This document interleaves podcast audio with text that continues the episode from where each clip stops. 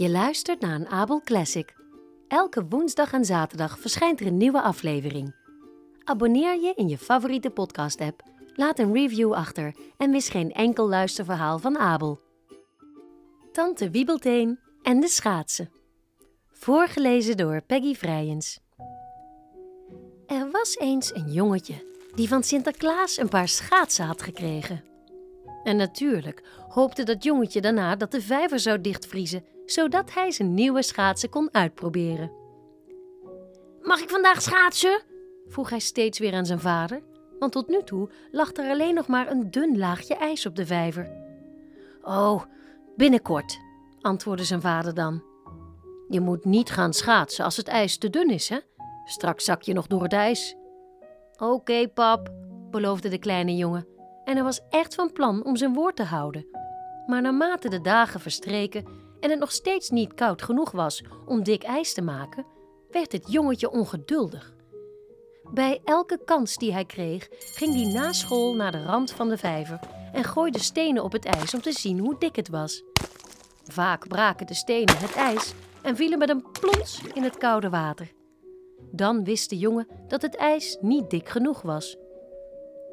Ik ga niet schaatsen als een steen er doorheen valt, zei hij dan. En hij ging terug naar huis met zijn nieuwe schaatsen bungelend op zijn rug. Maar toen de jongen op een dag een grote steen op het ijs van de vijver gooide, brak de steen er niet doorheen, maar maakte alleen een deuk en bleef daar liggen. Oh, hoera! riep de jongen. Ik denk dat het nu sterk genoeg is om het te houden. Ik ga schaatsen. Maar eerst begon hij over de rand van het ijs bij de oever te lopen. En toen hij dat deed en krakende geluiden hoorde, sprong hij snel terug. Hm, ik denk dat ik het beter nog niet kan proberen, zei de jongen tegen zichzelf. Ik wacht wel even tot het harder vriest. Dus ging hij aan de rand van de vijver zitten wachten tot het ijs dikker zou worden. Maar toen hij daar zat en zag hoe wit en glanzend het ijs was, en toen hij naar zijn nieuwe schaatsen keek, kon de jongen geen minuut langer wachten. Hij liep een stukje verder langs de oever naar een plek waar het ijs harder en glanzender leek. En daar hoorde hij geen krakend geluid toen hij erop stapte. En hij besloot om te proberen te schaatsen. Er was niemand anders op de vijver. Geen andere kinderen. De jongen was helemaal alleen. Maar de jongen wilde zo graag zijn nieuwe schaatsen uitproberen dat hij daar niet aan dacht. Hij ging op de grond zitten en trok zijn schaatsen aan. En op dat moment keek Jannie Troetelaar, de huishoudelijke hulp van tante Wiebelteen, toevallig uit het raam van de Holle Boomstronk bungalow. De bungalow van het konijn lag zo verborgen in het bos, vlakbij de vijver, dat maar weinig kinderen het vreemde huisje ooit zagen. Maar tante Wiebelteen zag de mensenkinderen wel, want ze kwamen in de winter en zomer naar het bos en vaak kon zij ze helpen met iets. Nou zeg, riep Jannie uit, toen ze voor de tweede keer uit het raam keek. Wat is er aan de hand? vroeg tante Wiebelteen, die net klaar was met haar ontbijt van slaabrood en wortelkoffie met wat raapmarmelade. Nou, daar is een jongen. Een mensenjongen en niet een van onze dierenvriendjes. Die wil gaan schaatsen, zei de woelmuis. Want ze kon de jongen zijn schaatsen zien aantrekken. Oh nee, dat is niet zo handig van dat jongetje. Het ijs is niet dik genoeg voor mensenkinderen om op te schaatsen, zei tante Wiebelteen. Het is prima voor Suzie Staartje, of Eli of Carlos Pluistaart, maar mensenjongens zijn veel te zwaar. Veel zwaarder dan mijn nichtje Suzie het konijn, of dan de Pluistaart eekhoornjongens. Nou, deze jongen gaat het toch proberen, riep Jannie. En ik weet zeker dat hij door het ijs zal zakken. Dat zou jammer zijn, riep tante Wiebelteen uit terwijl ze een beetje van de raapmarmelade van haar snorharen veegde, waar ze het per ongeluk had gemorst. Ik moet hem proberen te redden als hij erin valt, zei tante Wiebelteen. Het zou beter zijn om hem niet op het ijs te laten gaan, zei Jannie. Beter voorkomen dan genezen, hè? Ja, ja, maar dat jongetje verstaat geen woord van mijn konijnengebrabbel, ben ik bang, zei tante Wiebelteen. Maar ik denk dat ik een manier weet om deze jongen te redden als hij inderdaad door het ijs zakt. Nou, hij zal er zeker weten doorheen zakken, verklaarde Jannie Troetelaar. Dus je kunt me beter opschieten. Zo gezegd, zo gedaan, riep tante Wiebelteen. en ze pakte haar rood-wit-blauwe gestreepte stok en zette haar muts op. En toen huppelde het konijn weg uit de holle boomstronkbungalow. In plaats van naar de plek gaan waar de jongen op het punt stond om het ijs op te gaan, ging de tante Wiebelteen naar het huis van een paar vrienden van haar. Het was een beetje een vreemd huis, want het bestond alleen maar uit een stapel stokken die half in de bevroren vijver begraven lagen. Maar in dit huis woonde een familie bevers. Lieve dieren met een vacht die zo warm en dik is dat ze in ijswater kunnen zwemmen zonder het koud te krijgen. Sterker nog, de bevers moesten elke dag het ijskoude water induiken om hun huis binnen te gaan. Zijn Carla en Sven thuis? vroeg tante Wiebelteen toen ze bij het stokhuis aan was gekomen. Op de oever stond opa Snijtand, de oude bever.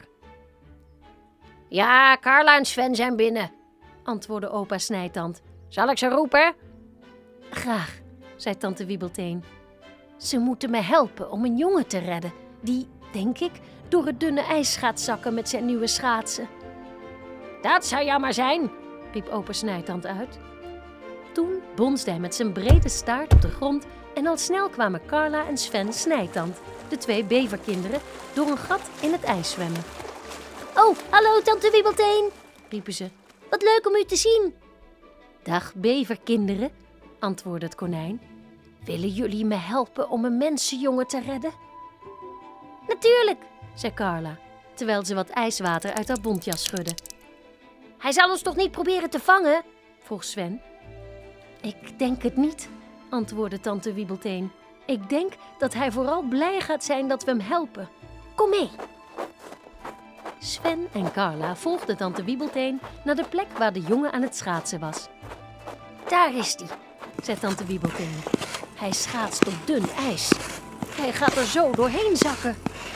En ja hoor, nauwelijks had tante Wiebelteen gesproken of er klonk een krakend geluid. Het ijs brak onder de voeten van de jongen en hij viel in het donkere, koude water. Oh! riep de jongen. Oh, help, help, iemand, help! Het is maar goed dat Jannie hem zag, zei tante Wiebelteen. Snel, Carla en Sven. Vlak bij de jongen staat een klein boompje. Knaag die om, dan kan het jongetje zich eraan vastgrijpen en zichzelf uit het gat trekken. Ondertussen spartelde de arme jongen rond in het koude water. Hij probeerde zich vast te grijpen aan de randen van het ijs rond het gat waardoor hij gevallen was. Maar het ijs brak in zijn handen. Help, help, riep hij. Wij gaan je helpen, antwoordde tante Wiebelteen. Maar ze sprak natuurlijk een dierentaal die de jongen niet verstond. Maar Sven en Carla begrepen het wel. En ze renden snel naar de rand van de vijver en knaagden zo snel als ze konden de boom om. Tante Wiebelteen knaagde ook een beetje om de bevers te helpen.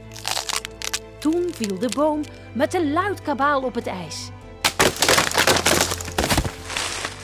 Dichtbij genoeg, zodat de jongen hem vast kon pakken. Oh, oh, nu kan ik mezelf eruit trekken, zei hij. Deze boom viel net op tijd. Oh, nu ben ik gered.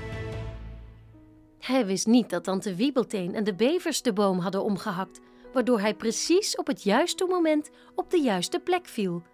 Want de jongen was zo bang dat hij het oude konijn en de beverkindjes niet had gezien. De jongen greep de boomtakken met zijn koude vingers, trok zichzelf omhoog uit het water naar de kant. Toen hij nat en bibberend ging zitten om zijn schaatsen uit te trekken, zodat hij naar huis kon rennen, riep tante Wiebelteen naar Sven en Carla.